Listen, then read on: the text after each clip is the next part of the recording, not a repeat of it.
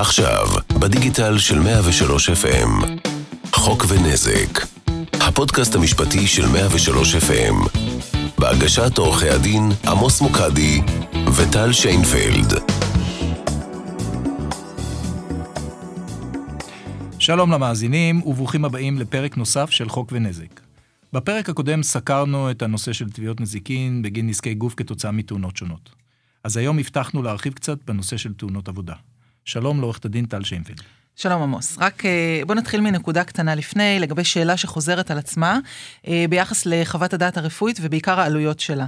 אה, אם אתם זוכרים, דיברנו על העובדה שכל נפגע שמעוניין להגיש תביעה לבית המשפט, צריך להוכיח את הנזק באמצעות חוות דעת של מומחה רפואי בתחום הרלוונטי. אז כן, מדובר בחוות דעת יקרות, שהעלות שלהן נעה בין כמה אלפי שקלים במקרים הפשוטים, ולפעמים אפילו עשרות אלפי שקלים בתיקים יותר מורכבים, או ברשלנות רפואית למשל. כן, אבל חשוב לציין שאדם שזוכה בתיק, מקבל חזרה מהמזיק את כל ההוצאות שנוצרו על ידו, כולל את עלות חוות הדעת במלואה. אגב, יש הרבה מקרים מורכבים שבהם יש צורך ביותר מחוות דעת אחת, ואז כמובן, אם הוא יזכה, הוא יקבל החזר על כל ההוצאות. נכון, אבל כמובן שמימון הביניים הוא של הנפגע. כן, בכל מקרה, אני כבר רוצה לציין שהחריג לעניין הצורך בהגשת חוות דעת מטעם, הוא בתאונות דרכים, שלגביהם יש הסדר בחוק שעוד נדבר עליו, בהתאם להסדר הזה, בית המשפט הוא שממנה את המומחה או המומחים השונים מטעמו, במימון של חברת הביטוח, ומומחים אלו קובעים מהו המצב הרפואי של הנפגע. נכון, תראה, הייתה בזמנו הצעה שגם במקרים של רשלנות רפואית, לא כל צד יצטרך להביא חוות דעת משלו. כי חשוב להבין, בתיק רגיל נוצר ממש מצעד של מומחים וחוות דעת. יש לנו את הניזוק שמביא חוות דעת מטעמו. אחרי כן הנתבע, יש לו זכות להגיש חוות דעת משלו, חוות דעת נגדית. לאחר מכן, בעת הצורך, בית משפט ממנה מומחה מטעמו. מדובר על שלושה מומחים בכל תחום. סכום, עשרות אלפי שקלים שמבוזבזים פה. נכון, אבל הצד השני של המטבע הוא שמי שתובע חייב להוכיח את מרכיבי התביעה שלו. לכן אם אנחנו נפתור אותו באופן מלא או חלקי מהחובה הזאת והעלויות, טיפול, והעלויות שלו תיפולנה על, על הנתבע או על המדינה, זה יכול להוביל לריבוי תביעות, שחלקן הגדול עלול בסופו של דבר להתברר כתביעות סרק, ואז לכי תתבעי או תגבי מהתובע את ההוצאות. לכן יש בזה סוג של סינון של תביעות אמיתיות. נכון, יש לנו באמת מערכת משפט שהיא מאוד עמוסה, אבל יחד עם זאת, ברור שהעלויות הגבוהות הללו באמת מציבות מכשול גם בפני אנשים שבאמת גרמו לנזק משמעותי, שנגרם להם נזק משמעותי.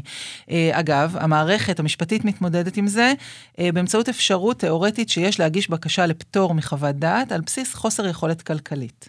נכון, אבל זה קיצוני, זה מצב ששמור למקרים בעייתיים, והדרישה היא שהבן אדם צריך להוכיח חוסר יכולת כלכלית ממשית, כולל פירוט נכסים, חסכונות, וממש מתפשט כלכלית, אבל גם מי שלא רעב ללחם יכול להתקשות מאוד להוציא אלפי שקלים על חוות דעת רפואית. בטח בעת כזו של אחרי פגיעה, שגם ככה ההוצאות מוגברות, ולפעמים היכולת להתפרנס נפגעה. כן, טוב, זה ככה על קצה המזלג הנושא הזה, ובואו נדבר קצת על תאונות עבודה. כן, תאונות עבודה. קודם כל, אלה תאונות שבהן העובד נפצע תוך כדי העבודה, או בדרך אל או ממנה. כן, הרבה באמת לא יודעים שגם, שהעבודה כוללת גם את ההליכה או את הנסיעה לעבודה ומהעבודה. אם קורה משהו בדרך, זו עדיין נחשבת תאונת עבודה. נכון, שזה בנסיעה, זה למעשה תאונת עבודה, שהיא גם תאונת דרכים, ועל תאונות דרכים אמרנו שנדבר בהמשך. בכל מקרה, על תאונת עבודה חלים כל הכללים הרגילים שדיברנו עליהם, כלומר, העובד עדיין יצטרך להוכיח שהמעסיק יתרשל כלפיו, שכן לא מדובר באחריות מוחלטת של מעביד כלפי עובד, לא כל דבר שקורה בעבודה מזכה את הנפגע בפיצוי. מצד שני, הנכונות במקרים האלה להטיל אחריות על המעביד תהיה גדולה הרבה יותר. כולנו באים כל יום לעבודה, כולנו מנסים לעשות את הטוב ביותר שלנו, ומי שנהנה הוא בעצם המעביד. לכן גם מוטלת עליו חובה מוגברת לדאוג לבטיחות העובדים שלו. אה, אחת הדוגמאות הקלאסיות היא של עובד שעבד במפעל לבשר והיה אחראי על טחינת הבשר. מדובר במטחנה גדולה, תעשייתית, וברור שהוא יודע שאסור לו להכניס את היד למכונה. בוקר אחד משהו נתקע במכונה, משהו נתקע במטחנה הזאת שהפסיקה לעבוד. אותו עובד שאינסטינקטיבית רצה לשחרר את החסימה, הכניס את היד, והוא הצליח לשחרר את החסימה, אבל המטחנה חזרה לעבוד כשהיד שלו בתוכה.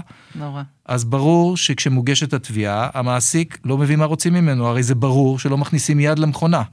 אבל הצד השני הוא שיש כאן מפגע שהמעביד אפשר, הוא לא דאג לחסום את הגישה למכונה כשהיא פועלת, למשל באמצעות מכסה, או שנפתח רק כשהמכונה כבויה, ומול זה יש עובד שבסך הכל ניסה לייעל את העבודה עבור המעסיק שלו. כן, כמובן שבמקרים כאלה בתי משפט יכולים גם להטיל אשם תורם, כמו שדיברנו uh, בפרק הקודם, אבל ביחס לעובדים, הם תמיד ייטו לא לעשות זאת, או לכל היותר לייחס להם אשם תורם בשיעור מאוד נמוך. Uh, אתה באמת נגעת כאן בדוגמה קלאסית של מכונות או מפגעים מסוימים במקום העבודה. Uh, יש לנו לקוח שהתחשמל כתוצאה מכבלים חשופים באתר עבודה, יש לנו תביעה לעובד שנפל לו איזשהו חפץ כבד על הראש, פגיעה קוגניטיבית שנגרמה לו. מעסיקים לא תמיד מקפידים לצערנו על תנאי עבודה בטוחים. כן, האמת שזו הפכה להיות מכת מדינה של ממש.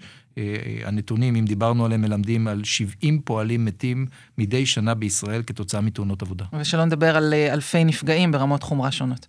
אז מניעת מפגעים או דאגה לסביבת עבודה בטוחה במקום עבודה זה אחד, אבל מעבר לזה יש חובות נוספות שמוטלות על המעביד, כמו למשל אספקת ציוד בטיחותי, ציוד מגן, וכמובן אה, ביצוע הדרכות נכונות ומתאימות. למשל, אנחנו עדים כל שנה למקרים רבים של עובדים שנופלים מפיגומים ומגגות. ביחס לעבודה בגובה, יש הוראות מפורשות, לרבות חובות של מעבידים לדאוג לרתמות, מעקות, אמצעי בטיחות נוספים. נכון, אז, אז אם ניקח את המקרה שדיברנו עליו, על חפץ כבד שנפל על ראש של עובד, אנחנו גם נבחן במהלך ניהול התיק, האם במקום העבודה הזה, שיש בו כזו סכנה, אז יש גם חובה לחבוש קסדה, האם המעביד אכן הקפיד ואכף את החובה הזו, האם הוא הדריך את העובד אה, לגבי אה, ציוד מגן וכדומה. אבל יש מקרים הרבה יותר נפוצים וטריוויאליים שאנשים אפילו לא מודעים אליהם. אה, הייתה לנו למשל עובדת בהנהלת חשבונות, שמדי כמה ימים הייתה צריכה להרים קלסרים כבדים עם חומר כדי להזין אותו לתוכנה. אה, זה למעשה היה חלק מהתפקיד שלה. אה, ויום אחד נגרמה לה פריצת דיסק, לקח לה המון זמן להבין בכלל שמה שקרה לה גם מהווה תאונת עבודה. ובאמת היא קיבלה פיצוי, כי נקבע שעל המעביד שלה הייתה חובה לספק לה אמצעים להרמה ונשיאה של משקלים, וגם להדריך אותה לגבי איך להרים אותם כמו שצריך. אז אם נסכם את הדברים, המעסיק חייב אה, לדאוג לבטיחות העובדים, לסביבת עבודה פתוחה, ולכן בדרך כלל, עובד שנפגע בתאונת עבודה יהיה זכאי לפיצוי מהמעסיק בגין הפגיעה. אבל מה קורה כשמבלי להתכוון אנחנו אלה שהופכים למעסיקים או לאחראים על ביצוע העבודה? נכון, זה אחד המצבים המפחידים. אה, נתאר אותו באמת עם אה, איזושהי דוגמה. נורית, שזה כמובן שם בדוי, ובעלה העסיקו, כמו רבים מאיתנו, עוזרת בית. אה, באחד הימים העוזרת החליטה על דעת עצמה לנקות חלונות גבוהים בחלל הכפול של הבית, אה, ובשביל כך היא לקחה מהמחסן סולם אה, ששייך לנורית ולבעלה שעמד שם. הסולם בדיעבד היה סולם תקול, היו חסרות לו גומיות, היא עלתה על הסולם, החליקה ונפלה ונגרמו לה שברים ברגליים, שבר בחוליה בעמוד שדרה, והיא כמובן הגישה תביעה נגד בני הזוג. כן, אני זוכר שהם הגיעו אלינו בחרדה אחרי שהם קיבלו כתב תביעה, במסגרתו נתבעו לשלם לה מאות אלפי שקלים. כן, אנשים מתעוררים בבוקר ומגלים אה, איזשהו חוב אה, פוטנציאלי של מאות אלפי שקלים, זה, זה, זו מצוקה גדולה מאוד. אה, לצערנו, ואפילו שכאמור העוזרת החליטה על דעת עצמה לנקות את החלונות, או לקחת את הסולם בלי רשות, הבהרנו לה, הבהרנו להם, סליחה, שהדין מכיר באחריות המעסיק אף במצבים כאלה, והתפקיד שלנו זה לנסות להפחית את החבות שלהם ככל הניתן. כן, אז בואו נעשה סדר בעניין הזה. לא כל שרברב או חשמלאי עצמאי שבא אליי הביתה הופך אותי מיד למעסיקה שלו. לפי פקודת הנזיקין, אין לנו אחריות מוחלטת כלפי כל בעל מקצוע מוסמך שמגיע אלינו הביתה, אבל כמו לכל כלל, גם יש לנו כאן חריגים. החריג החשוב ביותר, אם התערבנו לו בצורה ישירה או עקיפה בעבודה, או שאנחנו גרמנו לנזק באופן כלשהו. למשל, אם ניקח את המקרה שדיברנו עליו, נורית ובעלה החזיקו סולם לא תקין בבית, לא הזהירו את העוזרת מפניו, והם בעצם תרמו או גרמו באופן כלשהו ליצירת המפגע וליצירת תנאי עבודה לא בטוחים. אם אנחנו חושבים על אותה עוזרת, היא בסך הכל באה לנקות את החלונות עבורם, ובסופו של דבר יצאה נכה באופן קשה. הם בעצם סיכנו אותה, ולכן מכאן נובעת האחריות שמטילים עליהם. כן, ודוגמה נוספת היא, ש... היא דוגמה שפחות מוכרת או ידועה לציבור, ושגם שם אדם יכול למצוא את עצמו לפתע אה, בתור אחראי, הוא כל הנושא של שיפוצים בבית. אדם רוצה לשפץ את ביתו, להוסיף חדר, מה, מה קורה במצב הזה? אוקיי, okay, אז גם, גם על זה יש לנו כמובן תיק במשרד שבו טיפלנו, שממחיש את העניין הזה. אה, משפחה שהחליטה לשפץ את הבית, והם התחילו להתקשר עם אה, בעלי מקצוע, כמו שכולנו עושים, נגר, אינסטלטור, קבלן צבע וכדומה. קבלן הצבע, כדי לבצע את העבודה, יצר קשר עם קבלן פיגומים. קבלן הפיגומים הקיף את הבית באמת בפיגומים, כדי שניתן יהיה להגיע למעלה ולעשות את העבודה כמו שצריך. אה, לרוע המזל, ביום שישי אחד, לא יום עבודה, הגיע אינסטלטור והחליט לבחון את אה, מערכת הניקוז בגג, ראה פיגומים, עלה עליהם, אה, ולפתע הפיגום קרס, הוא נפל ארבעה מטרים למטה, נפגע בכל חלקי גופו. אותו אדם כבר לא יחזור להיות אינסטלטור, הוא נזקק לאשפוז, לשיקום ארוך, ונותר נכה. אז מאחר שזו תאונת עבודה, הוא הגיש תביעה למוסד לביטוח לאומי, שאכן הכיר בו כנפגע עבודה, ונרחיב על זה בהמשך. בהתאם לאחוזי הנכות, למשל, שנקבעו לו, הוא קיבל ומקבל מהביטוח הלאומי גמלה חודשית כל ימי חייו. כן, ובנוסף הוא הגיש תביעת נזיקין בגין רשלנות כנגד אותו לקוח שלנו, שהוא בעל הבית ששכר אותו, והוא כמובן טען שהוא לא דאג לכך שהפיגום שעליו הוא טיפס יהיה תקין, אה, ויצר עבורו מפגע. עכשיו, הלקוח הגיע אלינו עם התביעה, והדבר הראשון שהוא שאל היה מה רוצים ממני. אני דאגתי לשכור בעלי מקצוע מיומנים, אחראיים, ואני אחראי בסופו של דבר לתוצאה שנגרם, למה שנגרם. מבחינתו, וזה גם הגיוני, גם שהשכל הישר אומר לנו, מהרגע שאדם שוכר את השירותים של אנשי מקצוע, הוא לכאורה מסיר את האחריות מעצמו, ואותם בעלי מקצוע צריכים לדאוג להכל. הרי בעל הבית לא יכול להיות אחראי לאיכות פיגומים, אין לו גם ידע לכך. מבחינתו הוא שוכר את השירותים של האנשים האלה, של האינסטלטור שהוא סומך על זה, שידע על, על מה לטפס, איך לאבטח את עצמו וכולי. אוקיי, okay, אז מה קובע החוק בעניין הזה? אז החוק מגדיר אדם שנקרא מבצע הבנייה. הוא האדם שעליו מוטלות כל חובות הזהירות, כל האחריות למה שקורה באתר העבודה, אה, בשיפוץ שאנחנו עורכים בבית. עכשיו, אם התקשרנו עם קבלן אחד בודד, והוא אחראי על כל העבודות מאלף ועד תף, הוא מביא את בעלי המקצוע, הוא מתאם ביניהם והוא בעצם עושה הכל, הוא הופך להיות מבצע הבנייה, אותו קבלן. אה, אגב, יש מדינות שבהן רק ככה משפצים, לוקחים בעל מקצוע מרכזי, והוא אחראי על כל השיפוץ הזה. אבל בישראל המצב שלנו מאוד שונה, כי רובנו כשאנחנו משפצים, אנחנו עצמנו מתקשרים עם בעלי המקצוע, עם איש האלומיניום, עם איש המטבחים, עם החשמלאי, אנחנו עושים את העבודה הזו. כן, נכון, כל מי ששיפץ מכיר את השיטה הזאת, ולרוב היא נועדה גם לחסוך בעלויות.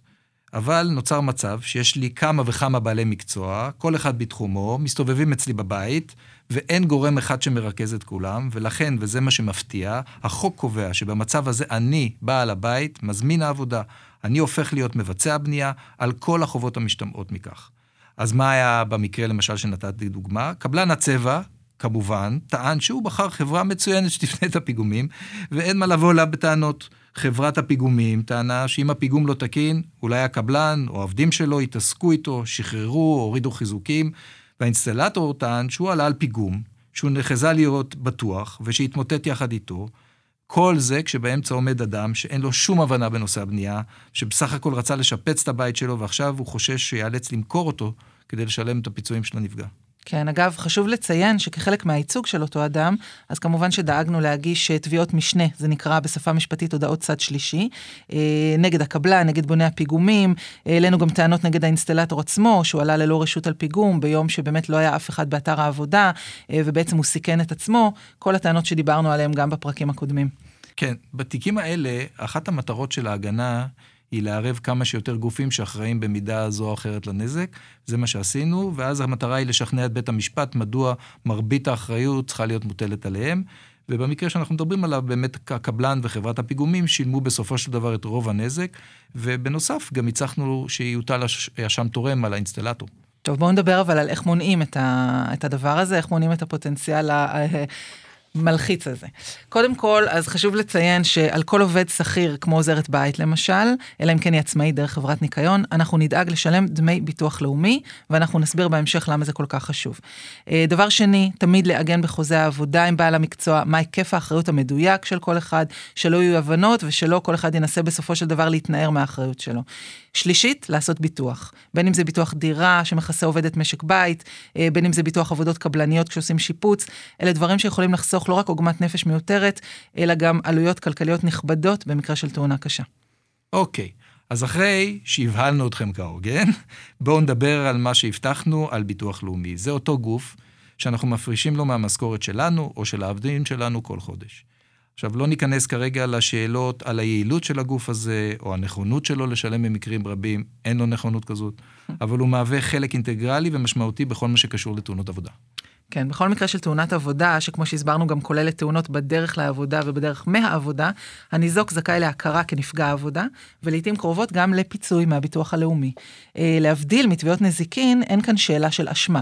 כל אדם שנפגע תוך כדי ועקב העבודה, ייחשב אה, על ידי המוסד לביטוח לאומי כנפגע עבודה. עכשיו, מה זה תוך כדי ועקב? לא מספיק שהתאונה אירעה בעבודה.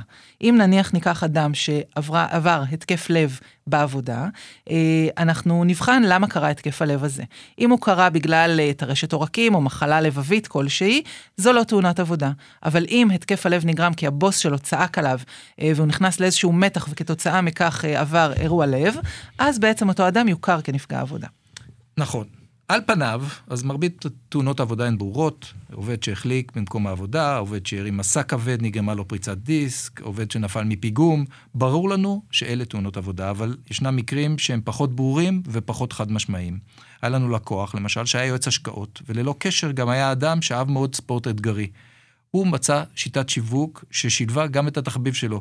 הוא היה מארגן קבוצות של אנשי עסקים, מוציא אותם לימי כיף שכללו סנפלינג, טיפוס על צוקים, אומגות וכולי. כל מה אבל... שלא הייתי חושבת לעשות אף פעם. כן, את לא, אבל הוא כן, ובאחד האירועים הללו הוא נפגע בצורה קשה כתוצאה מנפילה. כן, והמוסד לביטוח לאומי כמובן דחה את התביעה שלו, בטענה שמדובר באירוע פנאי חברתי שלא קשור לעבודה, כי באמת מה הקשר בין סנפלינג ליועץ השקעות? Uh, הטענה שלנו הייתה, אגב, שבעידן של היום צריך להרחיב את המונח עבודה גם לפעולות שהן פחות שגרתיות, uh, שאנשים למשל מבצעים לצורך שיווק. היום, בעידן של היום, אנשים באמת חושבים מחוץ לקופסה, מארגנים הרצאות או סדנאות או uh, דברים, כל מיני פעולות שיווק באינסטגרם. אין סיבה שטיול כזה לא ייחשב גם לפעולת שיווק לגיטימית, והיא גם, עבורו היא גם עבדה. Hey, כן, הצליח לנו. בסופו של דבר, אחרי שבית הדין לעבודה, שאגב, הוא זה שמערערים עליו על כל החלטות דחייה של ביטוח לאומי, אה, בית הדין שמע עדים, שמע את התובע, וקיבל את הטענה שבמקרה הזה צריך לראות בטיול שאורגן על ידו כחלק מפעולת שיווק, שלמעשה הופכת את התאונה במהלך הטיול לתאונת עבודה. אה, ובאותו הקשר, הזכרנו את זה, בואי נדבר על ימי ספורט ופעילויות גיבוש אחרות. אה, אחד התיקים הקשים שהיו לנו במשרד, יום גיבוש לעובדים שארגן המעביד ולקוחה שהצטרפה אליו. כחלק מיום הגיבוש נערכה פעילות אומגה מקצה אחד של מצוק לקצה השני. אותו, אותה אישה עלתה על האומגה, החלה לגלוש כשהיא הולכת וצוברת מהירות, ולמרבה הצער, מי שהיה אחראי על הפעלת האומגה ועל בלימתה לא היה מרוכז, והיא פשוט התנגשה בעוצמה בסלע בצד השני. בדיעבד הסתבר שהיו כמה כשלים. לא היו מנגנוני בטיחות שיעצרו את פעולת האומגה, וכאמור, זה שהיה אחראי על הבלימה, כנראה שדעתו הוסחה והוא לא דאג לבלום אותה. אותה אישה נותרה משותקת ברגליה ורתוקה לכיסא גלגלים. זה באמת סיפור מזעזע, גם מדובר על מישהי שבכלל לא רצתה לצאת ליום גיבוש, לא רצתה לעשות אומגה, בסופו של יום היא החליטה לזרום, להיות ספורטיבית, וזה מה שקרה. אה, בכל מקרה, פסיקת בתי המשפט בעניין הזה, היא מכירה במקרים האלה כתאונות עבודה, ובימי גיבוש, פעילות משרדיות וכדומה, אנחנו בעצם נבחן את, ה, את הקשרים למקום העבודה. מי ארגן את הפעילות, אם הייתה נוכחות חובה, מי מימן את הפעילות, אה, באיזה יום הייתה הפעילות, מה הייתה המטרה שלה. ככל שנמצא יותר זיקות שקושרות את הפעילות למקום העבודה, אנחנו באמת ניתן לראות בתאונה הזו כתאונת עבודה. אה, אגב, דוגמה למשל שבה לא הכירו בתאונה כתאונת עבודה, אה, הייתה של אה, טיול גיבוש משרדי לחו"ל, שבמהלכו אחת העובדות החליטה בעצמה לצאת לשייט אתגרי כלשהו, היא נפגעה במהלכו, ואחרי כמה גלגולים ודיונים בתיק הזה, הוחלט שבאמת מדובר בקשר רחוק מדי כדי להיות תאונת עבודה, כי שוב זו פעילות שלא אורגנה על ידי המעסיק, היא לא ערבה את עובדי המשרד, יוזמה של העובדת וכדומה. טוב, אז עד כאן התייחסנו לאירוע תאונתי. ברור שבו העובד נפגע, אבל מעבר לתאונות, קיימות גם מחלות שמתפתחות אצל העובד כתוצאה מעבודתו, מה שנקרא מחלות מקצוע. למשל, אדם שעובד במפעל שיש, שואף חלקיקים מזיקים עד כדי נזק שנגרם לריאות, אדם שעובד עם מכשירים רוטטים וכתוצאה מכך נגרם לו נזק בידיים, או מי שחשוף לרעש חזק ומזיק במקום העבודה וקיימת לו ירידה בשמיעה, והרשימה עוד ארוכה. יחד עם זאת, מדובר ברשימה סגורה של מחלות, שביטוח לאומי מסרב להכיר במחלות שלא מופיעות ברשימה. נכון, וכמו רבי, דברים רבים במוסד לביטוח לאומי, אלה תקנות משנות החמישים, גולדה מאיר היא זו שחתמה עליהם, ללמדכם, אה, ועל כן נוצרו כל מיני עיוותים בהקשר של מחלות שלא הוכרו, למרות שבמובהק הם אה, נגרמו, הן נגרמו מעבודה. אה, במקביל, לכן, התפתח סוג נוסף של פגיעות שהוכרו כתאונת עבודה, והן נקראות תביעות מיקרו-טראומה. מדובר בעצם במכלול של נזקים קטנים, תאונות קטנות מצטברות שאדם חווה במהלך העבודה. כל אחת מהן לבדה לא גורמת לנזק, אבל ההצטברות של כולן, בעיקר לאורך שנים, יכולה גם לגרום לנזק משמעותי. נכון, ניתן למשל למצוא את הקלדנית, שלקתה בנימולים ונכות וכאב בידיים, אה, המורה שאחרי שנים לקתה בצרידות, אה, הסבל שאחרי שנים של הרמת מסעות סובל מנכות בגב וכולי. בכל אלה לא היה אירוע חריג שניתן להצביע עליו, אבל הליקוי או הנכות נגרמו כתוצאה מעבודה יומיומית, ויש לראות בהם כנפגעי עבודה. עכשיו בואו רק נסביר למה בכלל אדם רוצה להיות מוכר כנפגע עבודה. אה, אז אדם שנפגע בתאונת עבודה זכאי מהמוסד לביטוח לאומי, אה, קודם כל לדמי פגיעה, שזה מדובר על התקופה הראשונית של עד שלושה חודשים ברגע שהוא אינו עובד. אה, גם יש תשלומים בגין איכות זמנית שבה הוא לקה כתוצאה מהעבודה שלו, ובסופו של דבר, אם ועדה רפואית קובעת שנותרה לבן אדם נכות צמיתה, לנפגע, הוא יקבל פיצוי, שיכול להיות או מענק חד פעמי, או גמלה לכל ימי חייו, תלוי באחוזי הנכות שנקבעו לו. כמובן גם תלוי בשכר שהיה לו טרם הפגיעה. נכון, והיתרון זה שהפיצוי הזה הוא גם מהיר יותר באופן יחסי מאשר התביעה הרגילה אה, נגד המזיק, ששם כאמור צריך להוכיח אחריות, תביעה שיכולה להימשך המון זמן, ואין במהלכה כל פיצוי על חשבון, מה שנקרא. אבל כן צריך לציין, לא מדובר בפיצוי כפול. אדם שנפגע בתאונת עבודה, הוא תובע קודם כל את המוסד לביטוח לאומי, מקבל תגמולים, לאחר מכן הוא יכול לתבוע גם את המזיק, זו תביעה אחרת, אבל אה, היא תלויה, כמו שאמרנו, באחריות של אותו מזיק, והיא בעצם כוללת את כל הנזקים שנגרמו לו כתוצאה מאותה תאונה. אבל בסופו של דבר, כשיפסק הפיצוי, לוקחים את מכלול הנזקים והפיצוי שמגיע לאותו אדם, ומפחיתים ממנו את הפיצוי שהמס... שהמוסד לביטוח לאומי שילם וישלם בעתיד, כדי שלא יהיו כפילויות. אז הוא לא יקבל גם וגם, אלא פיצוי אחד שלם שמתחלק בין המזיק והמוסד לביטוח לאומי. נכון, ולפני שאנחנו מסיימים, רק לסיכום, מה שציינו קודם, למה חשוב לשלם דמי ביטוח לאומי עבור עוזרת הבית, או המטפלת, או כל עובד שכיר שאנחנו מעסיקים. אמרנו שהביטוח הלאומי משלם גמלה או מענק לנפגע. זה יכול להסתכם בהרבה מאוד כסף. אבל המוסד לביטוח לאומי הוא לא פראייר. יש לו זכות בעצמו לתבוע את מי שגרם לנזק. זאת אומרת, אם מישהו נפל בדרך לעבודה בגלל בור פתוח במדרכה, אז המוסד לביטוח לאומי באמת ישלם לו את הפיצוי שמגיע לו, כי זו תאונת עבודה, זה בדרך לעבודה, והמוסד לביטוח לאומי, אחרי שהוא, שלם, אחרי שהוא שילם, הוא ילך לתבוע את העירייה, שהיא המזיק, והוא יאמר, את גרמת בעצם לנזק, את תחזירי לי את התשלומים שאני שילמתי. כן, אבל גורם שהביטוח לאומי לא יכול לתבוע, הוא המעסיק. בשביל זה המעסיק בעצם משלם דמי ביטוח לאומי, שזה סוג של ביטוח לכל דבר. כדי לקבל בין היתר, הגנה במקרים האלה. אז אם שילמתי על עוזרת הבית שנפגעה דמי ביטוח לאומי, והיא הלכה וטבעה בגלל תאונת העבודה שקרתה לה, קיבלה גמלה, אני המעביד שלה. והמוסד לביטוח לאומי לא יכול לדרוש ממני את מה שהוא שילם. אבל אם לא שילמתי דמי ביטוח לאומי, אני בעצם יכול למצוא את עצמי, צריך להחזיר למוסד לביטוח לאומי את מה שהוא שילם, וישלם לה לכל החיים. כן, ושתדעו גם פוליסת הביטוח הפרטית שמכסה כלפ... אה, את החבות כלפי עוזרת בית, לא מכסה כל סכום שהמוסד לביטוח לאומי אמור לשלם לה או שילם לה. אז בואו נגיד רק שעדיף לשלם. טוב, אני מקווה שעשינו לכם קצת סדר, או לפחות נתנו הבנה כלשהי בכל הנושא של תאונות עבודה. בפרק הבא נעסוק באיך מחשבים את הפיצויים לנפגעים, כמה פיצוי מגיע בגין תאונות שונות, ונשתף אתכם קצת במחשבות והגיגים לגבי הפיצויים במדינת ישראל, וכמובן, סיפורים מעניינים ממשרדנו. אז תודה שהאזנתם לנו, וניפגש בפרקים הבאים של חוק ונזק. חוק ונזק, הפודקאסט המשפטי של 103 FM, בהגשת עורכי הדין עמוס מוקדי וטל שיינפלד.